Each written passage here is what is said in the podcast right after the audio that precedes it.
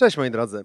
Ja nazywam się Andrzej Tucholski i tak jak zostałem zapowiedziany, dziękuję bardzo. Prowadzę bloga, prowadzę też YouTube'a, robię generalnie bardzo dużo różnych rzeczy w internecie, chociaż ich z takim wspólnym mianownikiem, który łączy, jakoś spaja te, te dziwne aktywności, którymi się zajmuję, jest to, że bardzo lubię psychologię i niesamowicie ciekawi mnie drugi człowiek. Na Uniwersytecie SWPS skończyłem zresztą psychologię biznesu i być może dlatego, że jestem niepoprawnym idealistą, ale jak się bardzo ładnie popatrzy na różnego rodzaju wyniki giełdowe, to być może gdzieś tam jest też nutka pragmatyka. Jak się okazuje, pasja może mieć dużo wspólnego z zarobkiem, z radzeniem sobie w życiu. To jest generalnie taki trend, który jest bardzo modny ostatnimi latami. To, żeby na pasji zarobić, zamienić swoją pasję w pracę, zamienić swoją pasję w karierę. Bardzo dużo podobnych nagłówków pojawia się w czasopismach, magazynach. Spróbuję Wam podrzucić kilka ciekawych myśli, porad do jakiegoś tam późniejszego własnego zastanowienia się, czy faktycznie te pasje można celnie przerobić w karierę, a z drugiej strony spróbuję Wam też pokazać, że są inne metody. Generalnie jeśli chodzi o pasję jako taką, mm, no właśnie, ja prowadzę bloga poświęconego że, no, rzeczom związanym z psychologią i jednym z pięciu najpopularniejszych haseł z Google'a, jeśli chodzi o to, jak ludzie mnie znajdują, jest hasło jak znaleźć pasję? Skąd wziąć pasję? W jaki sposób dowiedzieć się, co się lubi? Jakaś taka chmurka semantyczna tego typu stwierdzeń sprawia, że ludzie mnie odnajdują. I jest to coś, czym się zajmowałem też na studiach. Mianowicie ja mam taką teorię, że nie da się znaleźć pasji. Mianowicie jak byliśmy dziećmi wszyscy, a być może są tu też ludzie, którzy nadal jakby wiekowo bądź mentalnie czują się bardzo dziećmi, to nie było tak, że powiedzmy, że naparzaliśmy w coś patykiem w piaskownicy, po czym dochodziliśmy do wniosku, no nie, to nie jest moja pasja, odkładaliśmy ten patyk i szliśmy robić coś innego. Tylko jak, no to nie wiem, robiliśmy jakieś kreski patykiem, uznawaliśmy, że nas to nudzi, braliśmy piłkę, uznawaliśmy, że nas ta piłka nudzi, wracaliśmy do domu, mazać markerem, no módlmy się jakby za naszych rodziców, żeby po kartce papieru, ewentualnie po ścianie nie było żadnego problemu ze zdiagnozowaniem, co sprawia nam radochę, bo jakby tak spojrzeć na znaczenie słowa pasja, tych znaczeń jest dużo, ale wydaje mi się, że wszyscy możemy się zgodzić, że my pod słowem pasja rozumiemy coś pomiędzy hobby, a czymś takim, co uwielbiamy robić niezależnie od okoliczności, kiedy mieliśmy zły dzień w robocie, kiedy z jakiegoś powodu, nie wiem, wkurzyła nas pogoda, to wracamy do domu i właśnie oddajemy się jakiejś tam swojej pasji. I teraz tak, taką pasję, jeśli się nie wie, jaką się ma, no to jakby ten wątek a, pogadanki zamkniemy bardzo szybko. Wystarczy pogadać po prostu ze sobą, co się robi, jak ma się absolutny luz psychiczny i najprawdopodobniej po prostu to będzie waszą pasją. Ja miałem takiego, znaczy nadal mam znajomego, który bardzo długo mi właśnie gadał, że on nie ma żadnych zainteresowań.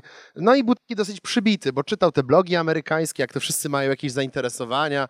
I on próbował tak na siłę, nie wiem, Pamiętam, że pojechał stopem przez jakiś kraj, bo przeczytał na jakimś blogu, że ludzie z pasją jeżdżą stopem po Europie. No, on pojechał stopem i w sumie mu się nie podobało, bo było niewygodnie, trafił na niemiłego pana, potem spał pod gołym niebem i go zalało. No i on tak spróbował kilku różnych rzeczy, gdzie, że się naczytał w internecie, że to powinna być pasja, a po czym za każdym razem wracał do domu i jakby rysując graficznie logotypy, narzekał mi, że on nie ma żadnej pasji i te wszystkie pasje, których próbuje, strasznie go drażnią. Powiedział mój kolega Tomek ze mną na Skype'ie w tle mając otwartego Photoshopa. No jakby my jako jego znajomi w pewnym momencie zrobiliśmy mu taką interwencję, jak w amerykańskich serialach, że tak jakby, słuchaj, kolego mój drogi, nie wiem, czy zauważyłeś, że zawsze narzeka, że nie masz pasji na Photoshopa. Na co on na to? No tak, no bo ja nie mam pasji. Powiedział, mając w tle odpalony render. Na co mnie tak, dobra, co masz otwarte na kompie? No Photoshopa. A czemu masz go otwartego? Albo lubię sobie dłubać. A zarabiasz na tym? Nie, ja tak tylko znajomym pomagam. Ale stary, ty siedzisz nad tym całymi nocami. No może i siedzę. No i tak kropeczka po kropeczce udało się chłopakowi udowodnić, że on od 20 tak naprawdę lat dobrze wie, co lubi robić, tylko się kokietował, tylko gdzieś sobie dał wmówić, że to nie jest prawdziwa pasja, bo prawdziwa pasja to jest, nie wiem, łowienie ryb w Amazonce, a nie siedzenie i robienie projektów graficznych. To nie do końca jest tak. I teraz się pojawia fajna kwestia związana z zarabianiem na takiej pasji, mianowicie ścieżki są dwie. Jeśli wiecie, jaką, jaką macie pasję, jeśli umiecie na niej zarabiać, bądź to jest wasze marzenie, by stricte zarabiać na waszej pasji, ja to wkrótce, wkró tak bardzo krótko nazywam byciem Stephenem Kingiem, tym autorem horrorów i, i thrillerów. Mianowicie Stephen King jest facetem, który kocha w życiu dwie rzeczy. Fajną, trzymającą tak w napięciu opowieść i siedzieć przed swoją maszyną do pisania. W efekcie jego kariera polega na tym, że siedzi przed maszyną do pisania i pisze fajne, trzymające w napięciu opowieści, to potem kupują miliony ludzi i wszystko się kręci. Niestety nie każdą pasję da radę w ten sposób zamienić, o czym będzie wiedział każdy filatelista, no bo niestety milionów na zbieraniu znaczków za bardzo się nie złoi, chyba, że potem sprzedając je na eBayu, ale jest to jakaś forma żegnania się z pasją, co jest trochę smutne. I w tym momencie mamy coś takiego, że wiecie, jaką macie pasję, to jest jakby druga ścieżka, ale na tej pasji per se nie da się za bardzo zrobić pieniędzy wystarczających na utrzymanie siebie, partnera, partnerki, dzieci. I to zaraz wam wyjaśnię, dlaczego będziemy nazywali takim podejściem ala Austin Kleon. To jest taki artysta z Teksasu, o którym często wspominam. Przy czym jedna rzecz, a, którą muszę tutaj dodać, bo lubię psychologię, a dlaczego w ogóle warto mieć pasję? I to jest taka kwestia, która mnie strasznie cieszy, gdy mogę o niej opowiadać. Mianowicie był taki moment w latach 80. i 90. w kontekście samorozwoju, jakiejś takiej domorosłej psychologii, że trochę ludzie uwierzyli, że pasja nie jest potrzebna. Ważne jest takie tylko i wyłącznie łamanie swoich barier, osiąganie jakichś rzeczy, o których się tam zawsze marzyło, ale w takim rozumieniu wielkim, z zupełnym pominięciem takiej małej, drobniutkiej pasji. I to jest bardzo, bardzo szkodliwe dla psychiki. I mógłbym tutaj przytaczać współczesne badania, tylko ja zamiast współczesnych badań wiele bardziej lubię sięgać do ludzi, którzy psychologię tak naprawdę założyli. I do dwóch nazwisk, które najbardziej lubię. A wiecie, kim jest Abraham Maslow i piramida Maslowa? Ktoś wie? No dajcie mi taki jęk śpiący z łóżek. Macie. Tak, o, jednak nie śpicie, miło mi. Znaczy wiecie, problem tutaj gadania z mojej perspektywy jest taki, że ja widzę jakieś 20 osób, że nie śpi, nie? Jakby pozostałe 60 jest dla mnie zagadką. Abraham Maslow jest znany ze swojej piramidy potrzeb, ale Abraham Maslow jest też autorem jednych z najpiękniejszych słów, jakie kiedykolwiek w życiu przeczytałem.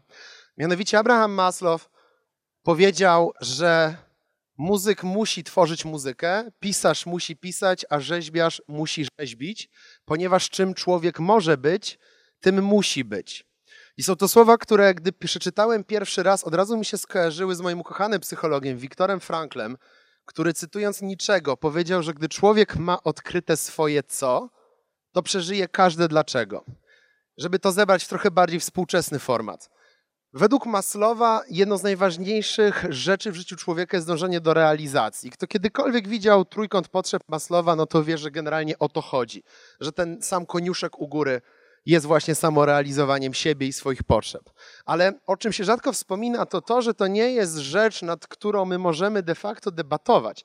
To nie jest tak, że jakby z piramidy Maslowa wynika, że jak zadbamy o to, by było ciepło, to będziemy ludźmi w miarę szczęśliwymi. Nie do końca tak. Maslow właśnie jest autorem tych słów, że jeśli człowiek czymś bądź kimś może być, to musi być. By mieć poczucie spełnienia, by mieć poczucie, że w jakiś sposób dąży do tego, do czego został stworzony. I co jest istotne, Maslow nie powiedział, czym człowiek może być, tym musi być i musi na tym zarabiać, a także musi mieć zrobioną z tego karierę i w oparciu o to płacić podatki.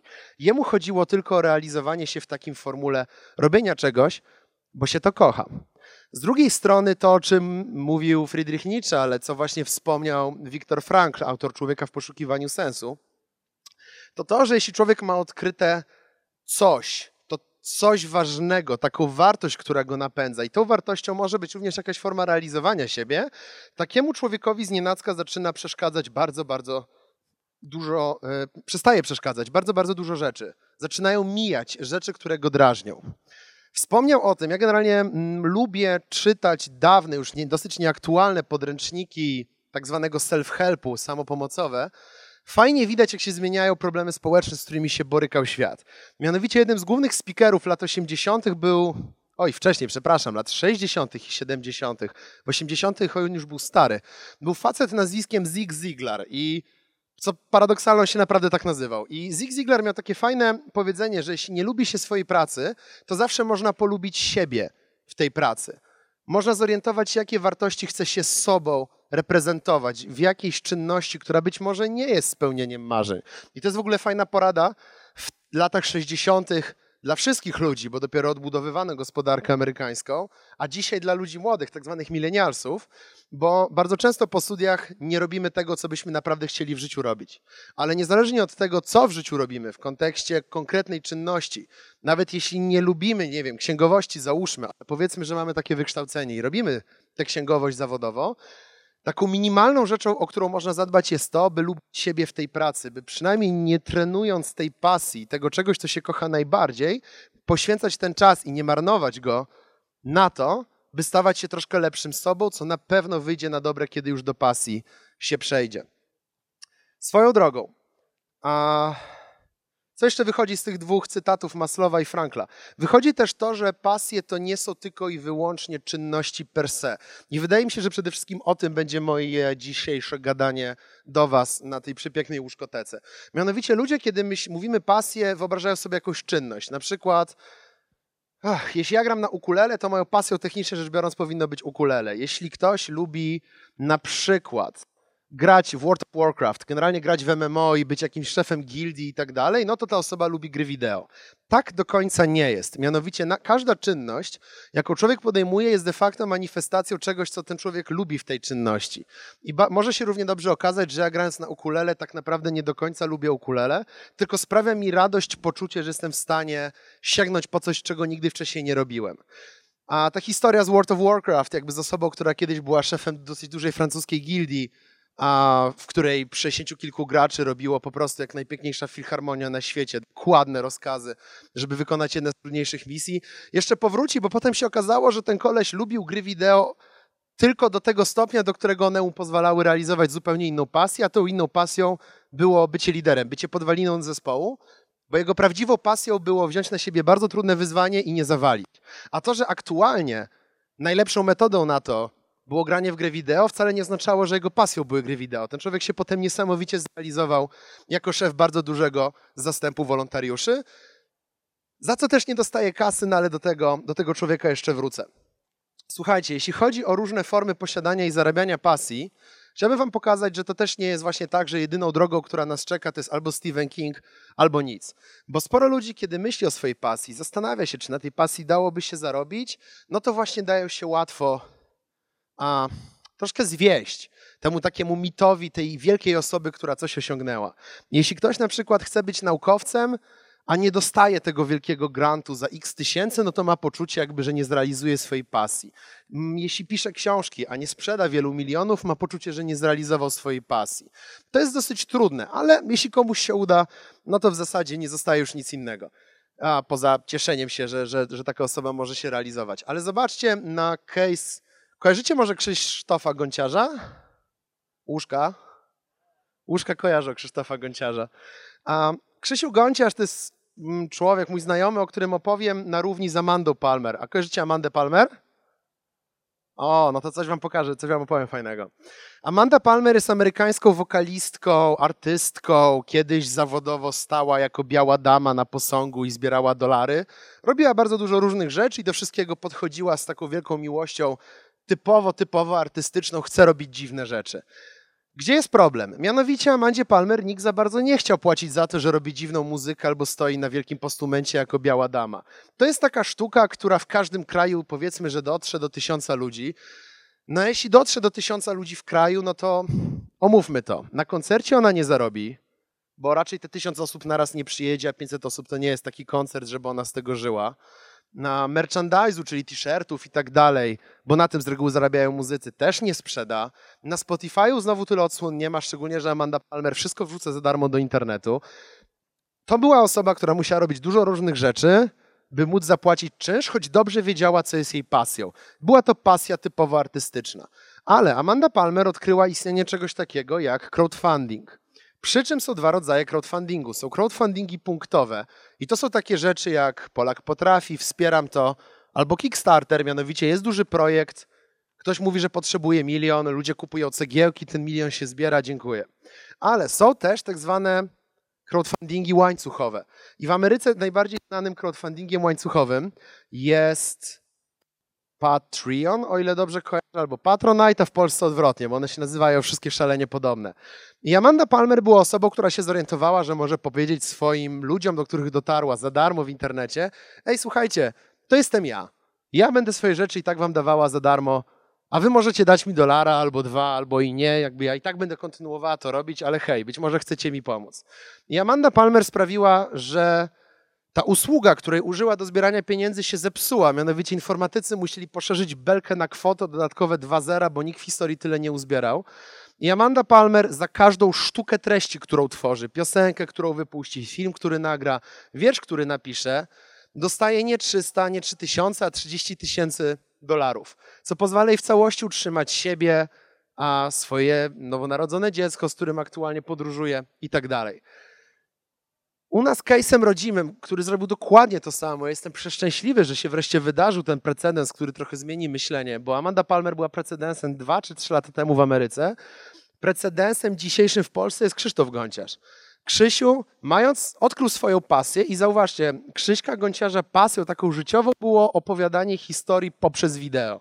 Być może nawet poprzez wideo jest już troszkę z mojej strony przesadną interpretacją, przy czym Krzysiek po prostu w tym był dobry. On kocha zauważać rzeczy, jest człowiekiem obdarzonym niesamowitą spostrzegawczością i społeczną, i kulturową, jest bardzo wrażliwy, lubi dzielić się tym, co zauważy i kiedyś odkrył, że najlepiej mu to wychodzi, kiedy montuje i pokazuje ludziom obrazki, które się ruszają. I Krzysiek zaczął to robić na różne tematy. Jest bardzo wiele filmów, które on ewidentnie stworzył, a one tematycznie nie były jakąś jego największą pasją w historii, ale jest też dużo filmów, szczególnie ostatnich, po których widać, że on po prostu to kocha. Na czym polega różnica? Różnica polega na tym, że on znalazł i wykorzystał najnowsze narzędzia po to, aby te jego najnowsze produkcje powstawały już stricte pod fanów. Krzysiek założył również łańcuchowy crowdfunding, i teraz nie pamiętam, ale wydaje mi się, że też już przekroczył 30 tysięcy, tylko że złotych. Więc jakby waluta, waluta się zmieniła, ale być może jest coś w tej magicznej kwocie 30 tysięcy, co jest wyznacznikiem osoby, która bardzo dobrze zarabia. I zauważcie, że a Stephen King jest człowiekiem, tak mówimy roboczo, jeśli ktoś ma wielką pasję i ta pasja może być wysoko nakładowa, żeby osiągnąć taką wielką, wielką karierę, mimo wszystko trzeba mieć wsparcie jakiegoś, jakiejś instytucji, jakiegoś formatu. Stephen King są, raczej wątpię, że od, odniósłby aż taką karierę, gdyby zaczynał dzisiaj zupełnie od zera jako self-publisher. To był człowiek troszeczkę jednak innych czasów, jeśli chodzi o czasy wydawnicze. I on wygrał tamtą rozgrywkę. My dzisiaj mamy inną rozgrywkę. Tę rozgrywkę wygrywają tacy ludzie jak Amanda Palmer albo Krzysztof Gonciarz, mianowicie oni są w stanie sięgnąć po zupełnie nowe formy kontaktowania się ze swoimi odbiorcami, mówić do tych odbiorców wcześniej setkami, tysiącami darmowych prezentów. Masz, to jest mój filmik za darmo na YouTubie. Masz, to jest moja piosenka za darmo na YouTubie.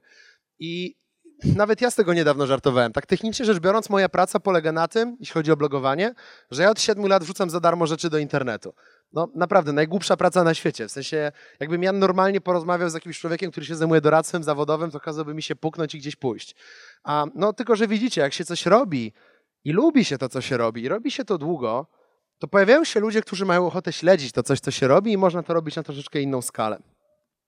Ale co jest ciekawe, pasja może też się zamanifestować w człowieku w sposób, o który byśmy nie podejrzewali. I case'em, który mnie bardzo interesuje pod tym względem jest J.K. Rowling, autorka Harry'ego Pottera.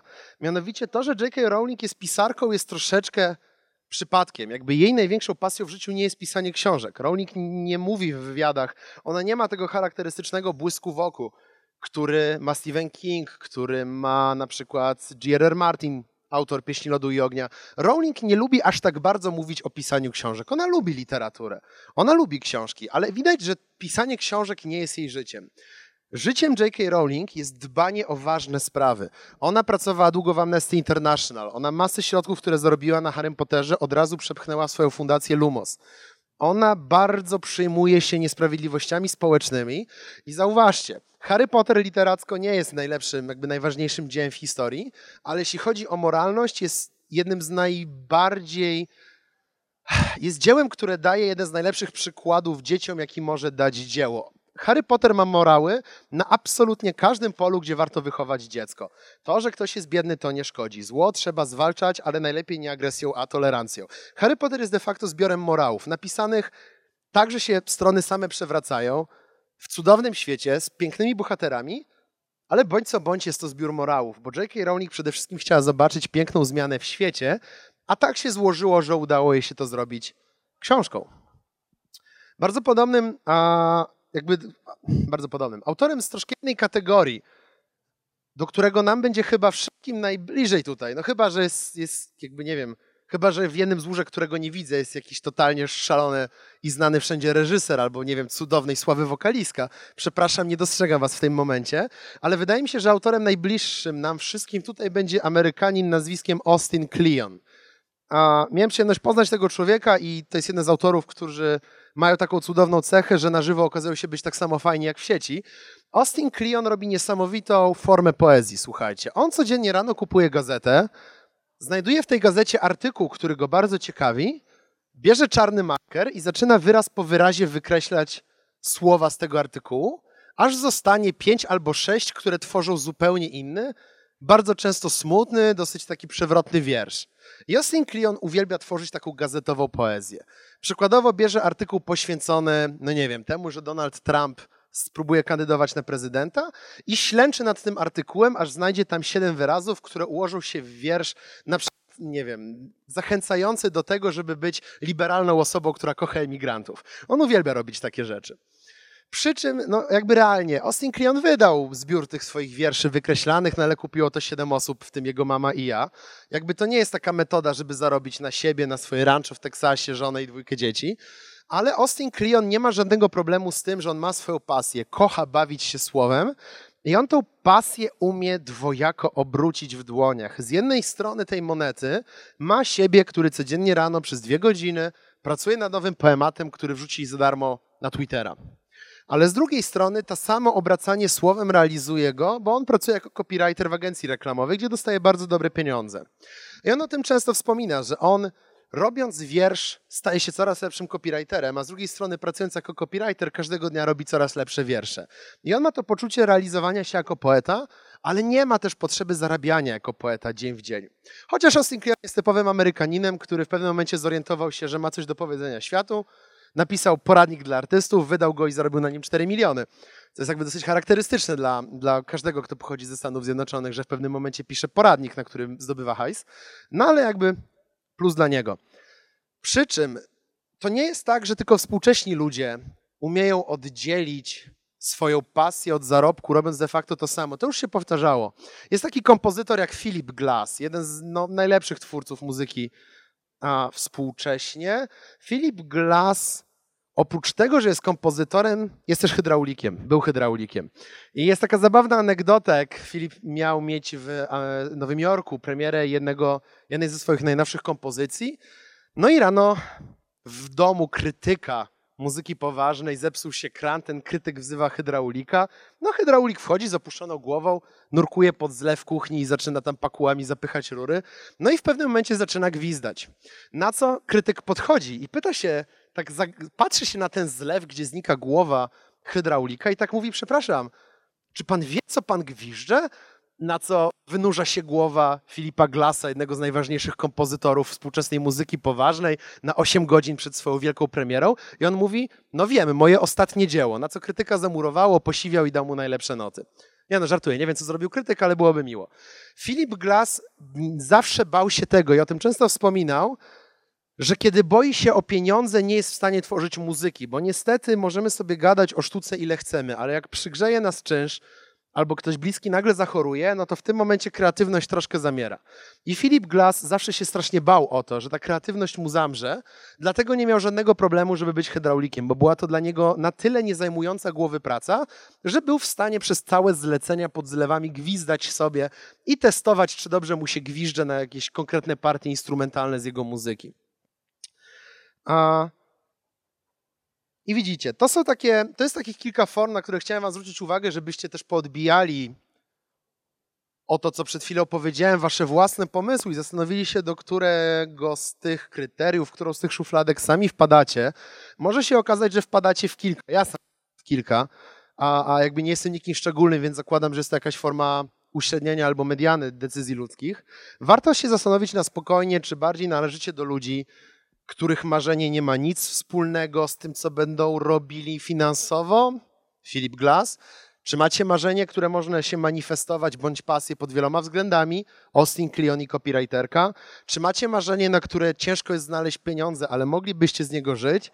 Krzysiek Gonciarz. Czy też macie marzenie i pasję, którą da radę zmonetyzować w postaci pełnej kariery Stephen King? I chcę wam teraz pogadać troszeczkę, pomądrzyć się o tym, w jaki sposób można faktycznie zarobić na swojej pasji, czyli to jak jakby to była główna część tytułu tej prezentacji i pewnie sporo osób akurat to najbardziej zaciekawiło, jak znam życie, bo jest parę metod.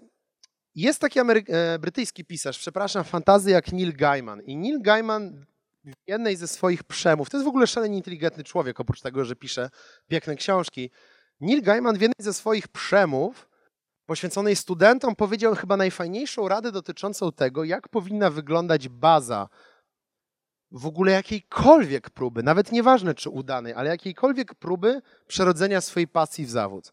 Mianowicie Neil Gaiman powiedział tym studentom następujące słowa. Moi drodzy, żeby odnieść spektakularny sukces i żeby móc żyć z tego, co robicie, potrzebne są trzy rzeczy. Musicie być najlepsi na świecie, muszą was wszyscy lubić i uwielbiać i musicie zawsze być na czas.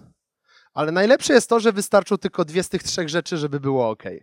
Mianowicie, jak jesteście najlepsi i zawsze jesteście na czas, w zasadzie wszyscy mogą was nienawidzić, a wy i tak będziecie mieli zlecenia. Jeśli jesteście na czas i wszyscy was uwielbiają, możecie być totalnie przeciętni. A jeśli jesteście najlepsi na świecie... Nie, moment, bo się zgubiłem. Nie, jeśli wszyscy was kochają i jesteście zawsze na czas, to możecie być przeciętni. A jeśli... Holender, weź im pomóżcie, co już powiedziałem? No i się teraz speszyłem, stojąc tutaj przed wami.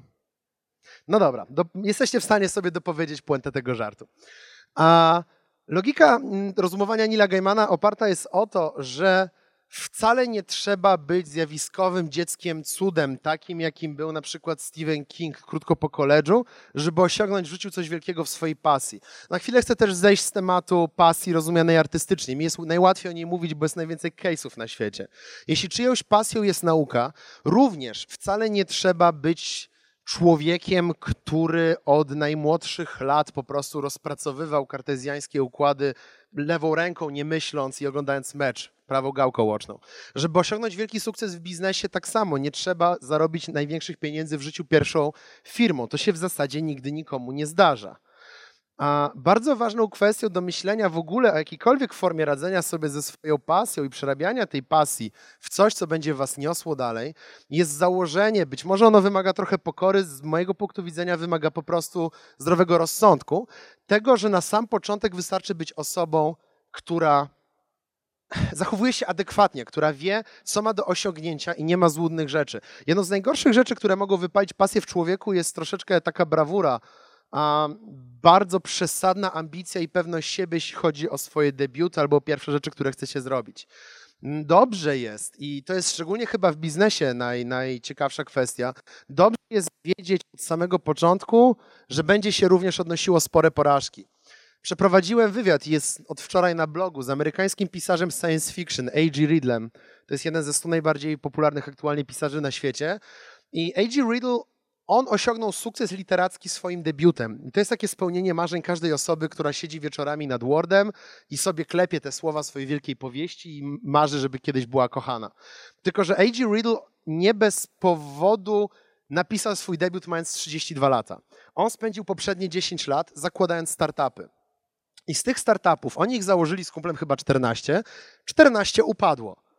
Część upadła później, część upadła wcześniej, część upadła dopiero, i to jest najlepsze, kiedy ktoś od nich kupił ten startup, więc oni zostali z dosyć pokaźnym czekiem na koncie, a po roku i tak temat okazał się zupełnie nierentowny, ale on nauczył się setek rzeczy. Nauczył się mieć grubą skórę i nauczył się bardzo trzeźwo podchodzić do krytyki.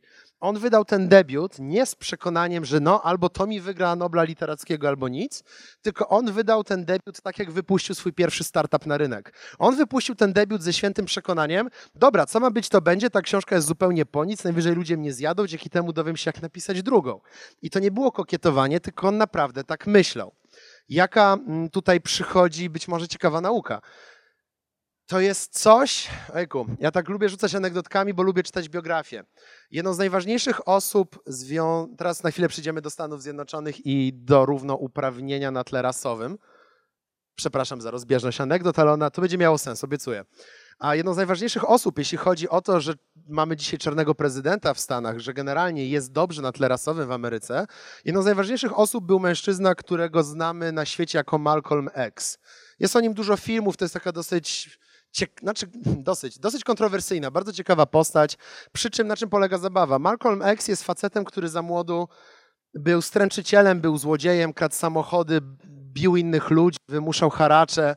Generalnie spędził więcej czasu w więzieniu niż nie. I on w pewnym momencie trafił do więzienia naprawdę na długo. Nazywał się wtedy inaczej. I on w tym więzieniu, wiedząc, że spędzi tam 6 czy 10 lat, już dzisiaj nie pamiętam dokładnie, on doszedł do wniosku, że albo ten czas będzie jego czasem martwym, tak zwanym dead time, albo będzie jego czasem żywym, a lifetime. I Malcolm X, wówczas jeszcze pod swoim, powiedzmy, cywilnym, on na to mówił niewolniczym imieniem, czyli nazwiskiem pochodzącym stricte z plantacji, Malcolm X przeczytał wszystkie książki, jakie były w więziennej bibliotece, bo doszedł do wniosku, że wyjdzie z więzienia zarówno jako człowiek o innym nazwisku, jak i człowiek o innej wartości. I Malcolm X wyszedł z tego więzienia jako Malcolm X. Facet, który razem z Martinem Lutrem, Kingiem Juniorem zmienili i Rosa Parks, zmienili to, jak jest postrzegana kwestia tolerancji rasowej na całym świecie. To był trochę taki przestrzelony przykład, ale wydaje mi się, że celny w kontekście anegdoty o tym pisarzu sprzed chwili. Mianowicie nie warto też się martwić, będąc młodą osobą, że nie od razu robicie to, co chcecie. To też wraca do tej anegdoty Ziga Ziglara, że nie lubiąc tego, jaką pracę, możecie lubić siebie w tej pracy. Mianowicie ja też jestem krótko po studiach i ja też robię dużo różnych rzeczy, żeby móc pomóc moim rodzicom na przykład finansowo. I muszę płacić czynsz i zachorował mi niedawno ktoś bliski, jest w szpitalu. I też muszę płacić za chemię, żeby moja wanna była lśniąca. No jakby to są takie totalne, totalne aspekty prozy życia codziennego. I ja bardzo bym chciał zarabiać na tą prozę życia codziennego, na przykład pisząc scenariusze do mojego ulubionego serialu bo z jakiegoś powodu odezwał się do mnie z Hollywood, bo jestem taki bezcenny. I kwestia wygląda tak. Ja nadal wierzę w to, że być może kiedyś będę pisał takie scenariusze. Przy czym dzięki, być, no, dzięki wielu dobrym poradom, które uzyskałem na przestrzeni życia, pogodziłem się z tym, że mi to zajmie jakiś czas. Dlatego też czytam dużo biografii. Bardzo lubię zauważyć wspólne mianowniki, jeśli chodzi o pasję. Jednym z najważniejszych wspólnych mianowników jest to, że pasja nie ma terminu zdatności do spożycia. I nawet jeśli pasji się z jakiegoś powodu ona na przykład pójdzie do pudełka i pójdzie na górną część regału w przedpokoju na dwa lata, bo tak będzie wyglądało wasze życie, być może warto. Z drugiej strony, jeśli już ta pasja musi na chwilę pójść na górną półkę w regale w przedpokoju do pudełka, być może warto się zastanowić, w jaki sposób choć minimalnie manifestować tę pasję. Robić cokolwiek, by nie wychodzić z sprawy. Tak jak Austin Kleon no raz dziennie chociaż maluje ten wiersz. On nadal wierzy w to, że kiedyś będzie żył tylko i wyłącznie ze swojej poezji. I ja, wydaje mi się, że on będzie żył z tej swojej poezji.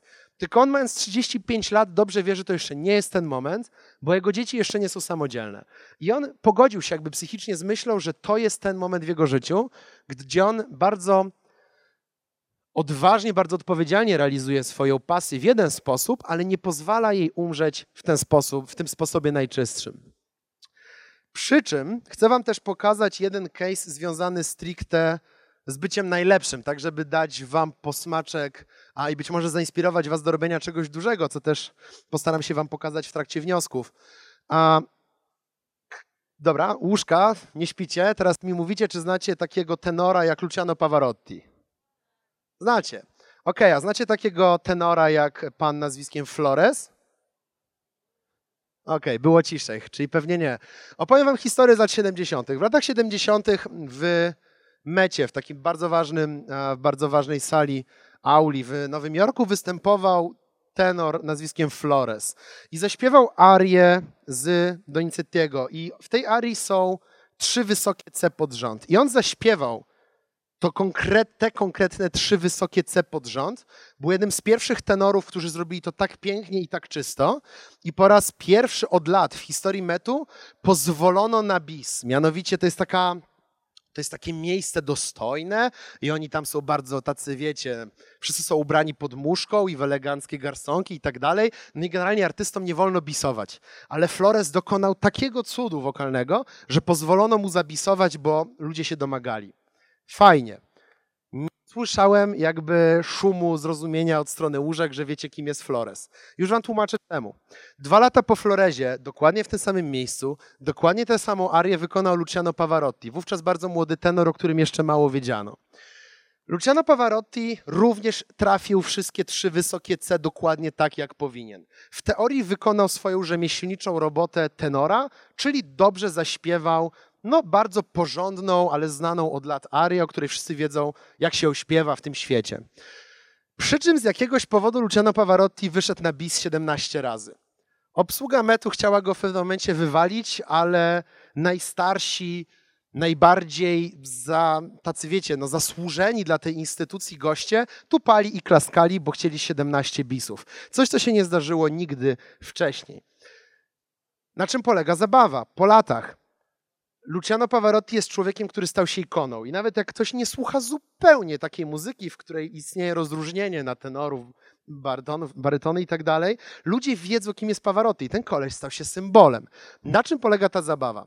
Jest taka teoria w psychologii, w psychologii mediów, jak efekt super, superstar, efekt supergwiazdy. Chodzi o to, że kiedy mamy bardzo ścisłą elitę, która wykonuje bardzo dobrze rzeczy na najwyższym poziomie, to ta elita jest de facto bardzo homogeniczna. Oni są do siebie podobni. Wszyscy najbardziej znani sportowcy w jakiejś konkretnej kategorii sportu, mimo wszystko różnią się od siebie o no, czasy, już wiecie, to niedawno oglądałem Mistrzostwa w pływaniu, no to te czasy w tym momencie to już są dziesiąte, setne sekundy. To już nie są takie pojedynki, że on na przykład zrobił coś w minutę, a drugi w minutę dziesięć. Nie, oni wszyscy są w minutę dziesięć, tylko cała zabawa polega na dziesiętnych sekundy. Elita jest bardzo do siebie zbliżona umiejętnościami, ale na czym polega zabawa? W momencie, gdy elitę oceniają sędziowie, jak jest w przypadku sportu, można na samych umiejętnościach, na samym byciu osobą najlepszą odnieść sukces, ponieważ sędziowie wiedzą na co patrzeć. Ale w przypadku większości pasji, bardzo dużo pasji nie opiera się mimo wszystko jakąś formę sędziowania. To jest taka pasja, w której będziemy oceniani przez rynek albo przez samych siebie, albo przez jakieś inne grono ludzi, które nie jest zawodowe i nie przyzna nam medalu. I w tym momencie, to jest mega ciekawą obserwacją, nie wystarczy być najlepszym.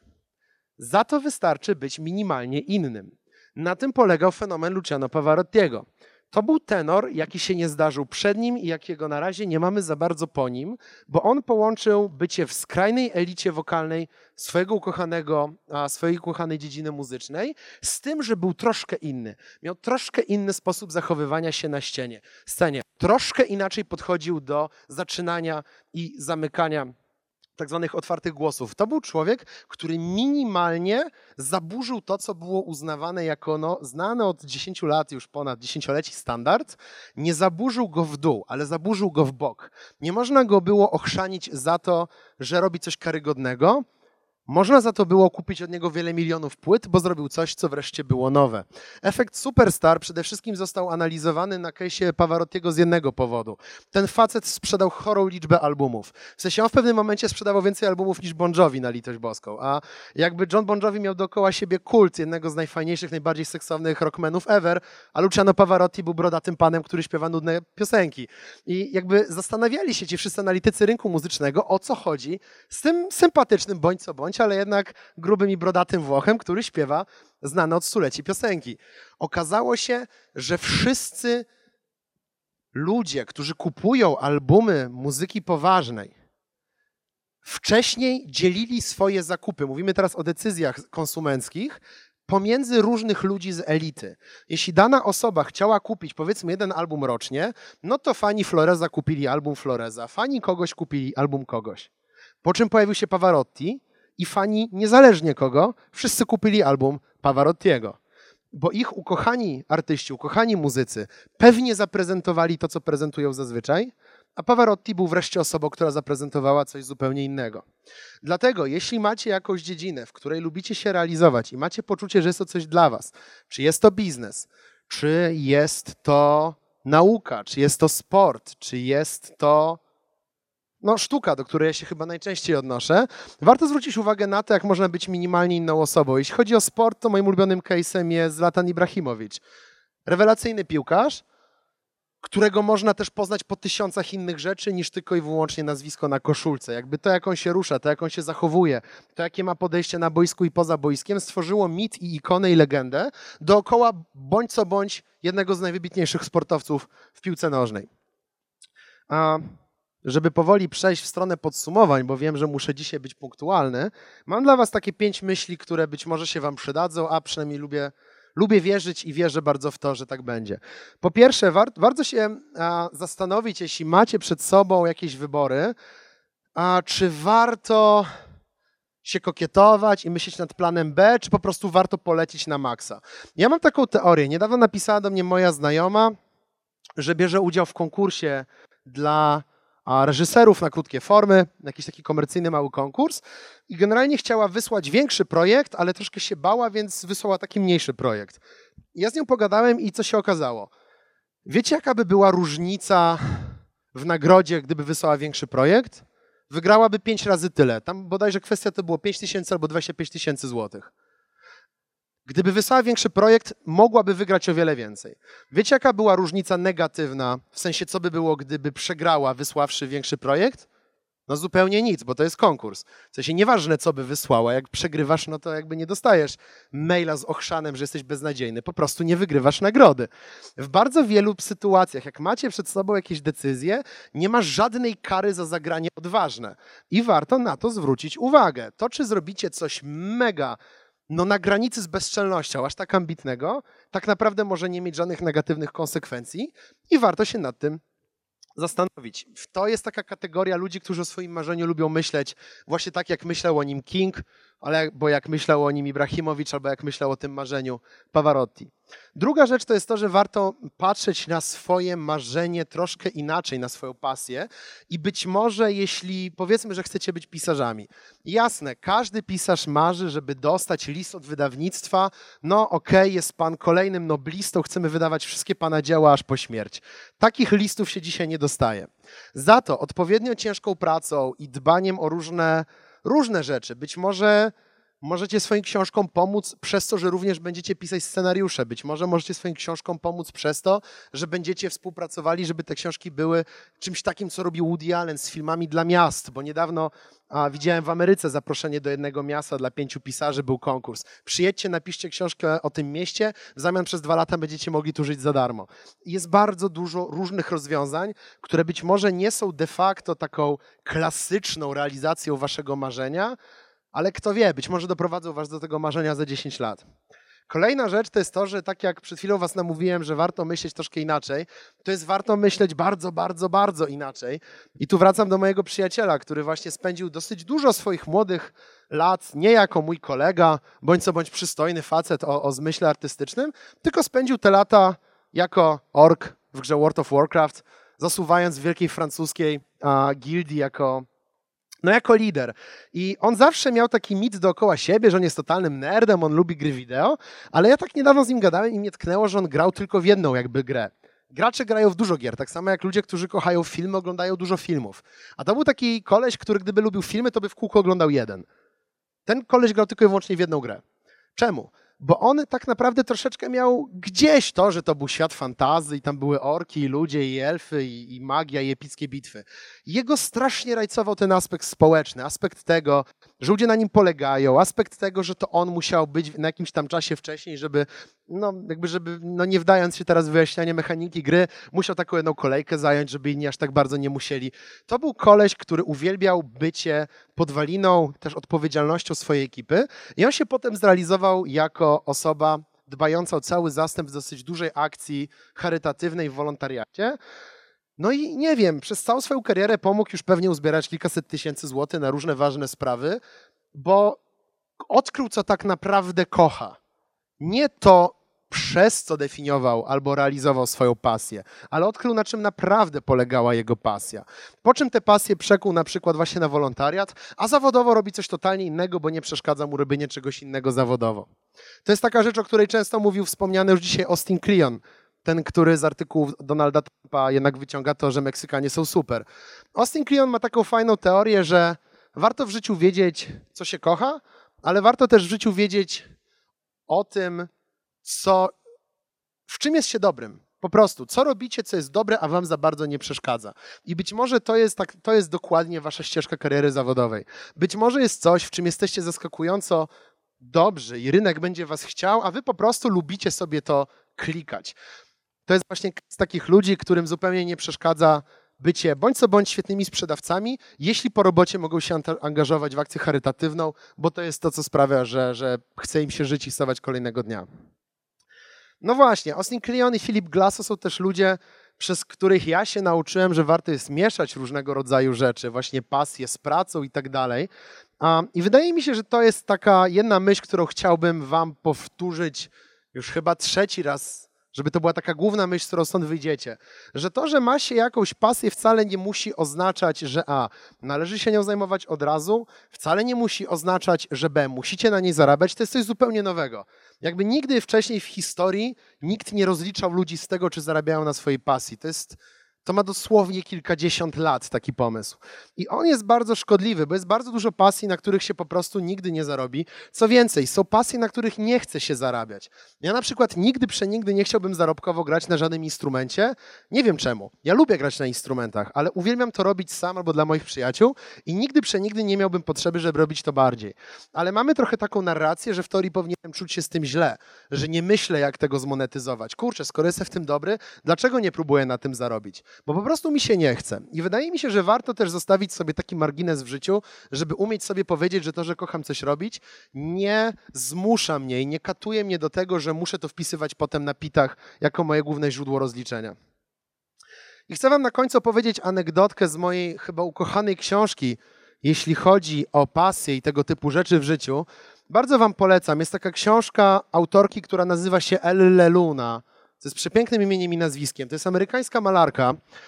I ona napisała książkę, która się nazywa Crossroads of Should and Must, czyli rozdroża drogi, którą powinniśmy iść i rozdroża z drogą, którą musimy iść.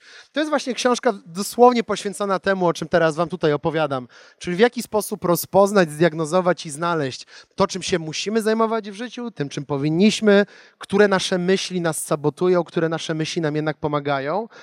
I książka jest fajna, jest zbiorem cytatów, jest, jest tak naprawdę rozwinięciem tego, tego dosyć, dosyć prostej myśli, że po prostu należy być w kontakcie z samym sobą i wiedzieć, kiedy się zmuszamy, kiedy nie.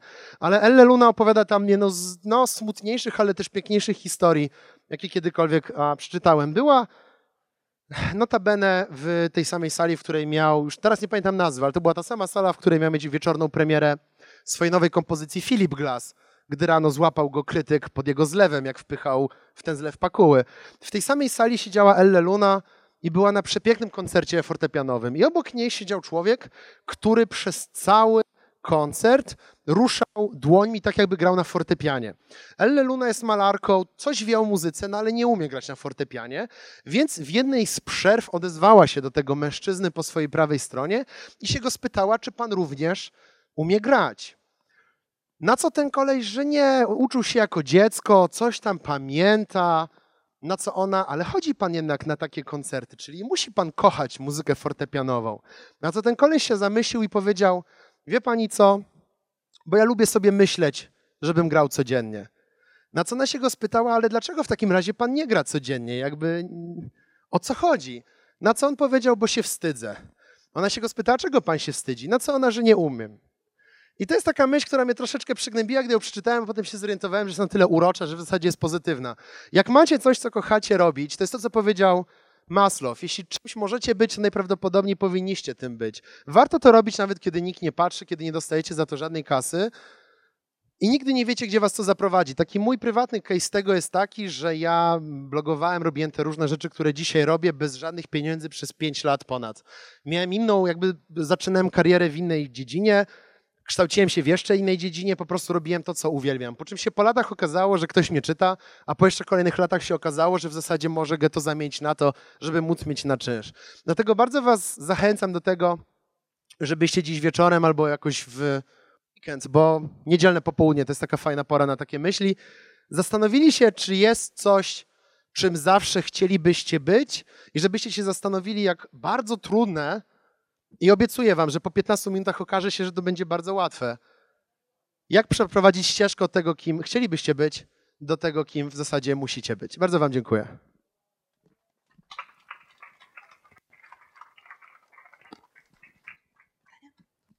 Dobrze, dziękuję bardzo Andrzejowi. Czy jest jeszcze moment na pytania, Andrzeju? Super, to w takim razie pytanie do Was, e, drodzy Łuszkowicze, czy, czy chcecie o coś zapytać Andrzeja Tucholskiego? Dobra, to ja w takim razie mam pytanie. Nie, no bo może będzie Wam później łatwiej. Ja chciałam zapytać, e, jak to się stało, że zacząłeś zarabiać na blogowaniu? Okej, no to jest w zasadzie kwestia, która jest bardzo dobrym argumentem podpierającym wszystko, co tu mówiłem. Jak zacząłem blogować o kulturze w 2009 roku, to w 2010-2011 tak się ułożyło, że spotkałem wielu blogerów, którzy robili to bardziej, dłużej, mocniej, no i zarobkowo. I każdy z nich mi powiedział, żebym natychmiast olał tę kulturę, stał jakby kogo obchodzi kultura, w tym nie ma żadnych budżetów. Ja im powiedziałem, jako ile wtedy miałem lat, jakoś, nie wiem, kończyłem liceum albo zaczynałem studia, byłem jeszcze idealistą i doszedłem do wniosku, po co mi pieniądze? Jakby, come on, ja to robię z pasji, a nie dla pieniędzy. No i tak się złożyło, że miałem niesamowite szczęście, bo do mojej pierwszej kampanii w 2011-2012 roku Intel, a producent procesorów i generalnie duży gracz na rynku komputerowym, wziął mnie dokładnie dlatego, że musieli mieć w raporcie kogoś, kto zajmuje się kulturą. I mieli mnie nie rozliczać z wyników, nie rozliczać z niczego, po prostu potrzebowali blogera kulturowego, żeby fajnie wyglądało jakby jako późniejsza, późniejszy efekt. A jak się potem okazało, dostarczyłem im, bo się mega starałem, bo wiedziałem, że jestem takim troszeczkę no, poniżej jakby całego peletonu, jeśli chodzi o ludzi, których dobrali do kampanii. No to tak się spodobało, że ostatecznie byłem jedną z ważniejszych, w sensie dostarczyłem im jedne z lepszych wyników, jakie mogłem dostarczyć. No i już się potem potoczyło. Dziękuję bardzo za odpowiedź. Myślę, że to była ciekawa inspiracja dla niektórych być może.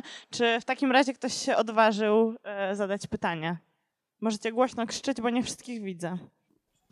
Ja mam pytanie, czy pan wie, na jakiej zasadzie w Polsce można zbierać te pieniądze, o których pan mówił na portalu na przykład Polak Potrafi, a jak to się ma do późniejszego jakby rozliczenia się z urzędem skarbowym, coś takiego. Trzeba mieć swoją firmę, to jest darowizna. Jak macie firmę, to generalnie jakakolwiek forma crowdfundingu jest śmiesznie łatwa, ponieważ od dziesięcioleci istnieje coś takiego jak preorder. I bardzo dużo ludzi kupuje filmy przed premierą albo książki przed premierą i de facto crowdfunding jest niczym innym jak kupieniem jakiejś cegiełki przed premierą produktu, tylko że okres tej wegetacji, taki okres latencyjny jest o wiele dłuższy. Więc jak macie firmę, to jest łatwe. Jak nie macie firmy, sprawa jest niesamowicie utrudniona w Polsce, no bo właśnie z darowiznami jest trochę kicha, nie możemy wspierać za bardzo łańcuchowo. To, jak to dokładnie jest rozliczone, jest dla mnie zagadką. Mianowicie, kiedy się interesowałem tematem i pamiętam, że znalazłem jakieś takie zapisy prawne, że wolno jednemu Ojejku, jeśli ja mam na przykład członka rodziny, mogę mu dawać relatywnie dużo darowizn. Ale powiedzmy, że nie wiem, my się zupełnie nie znamy. Jakby chciał przekazać darowiznę, to mogę zrobić to raz na powiedzmy 3 lata do jakiejś kwoty i coś tam. Tych obostrzeń jest milion.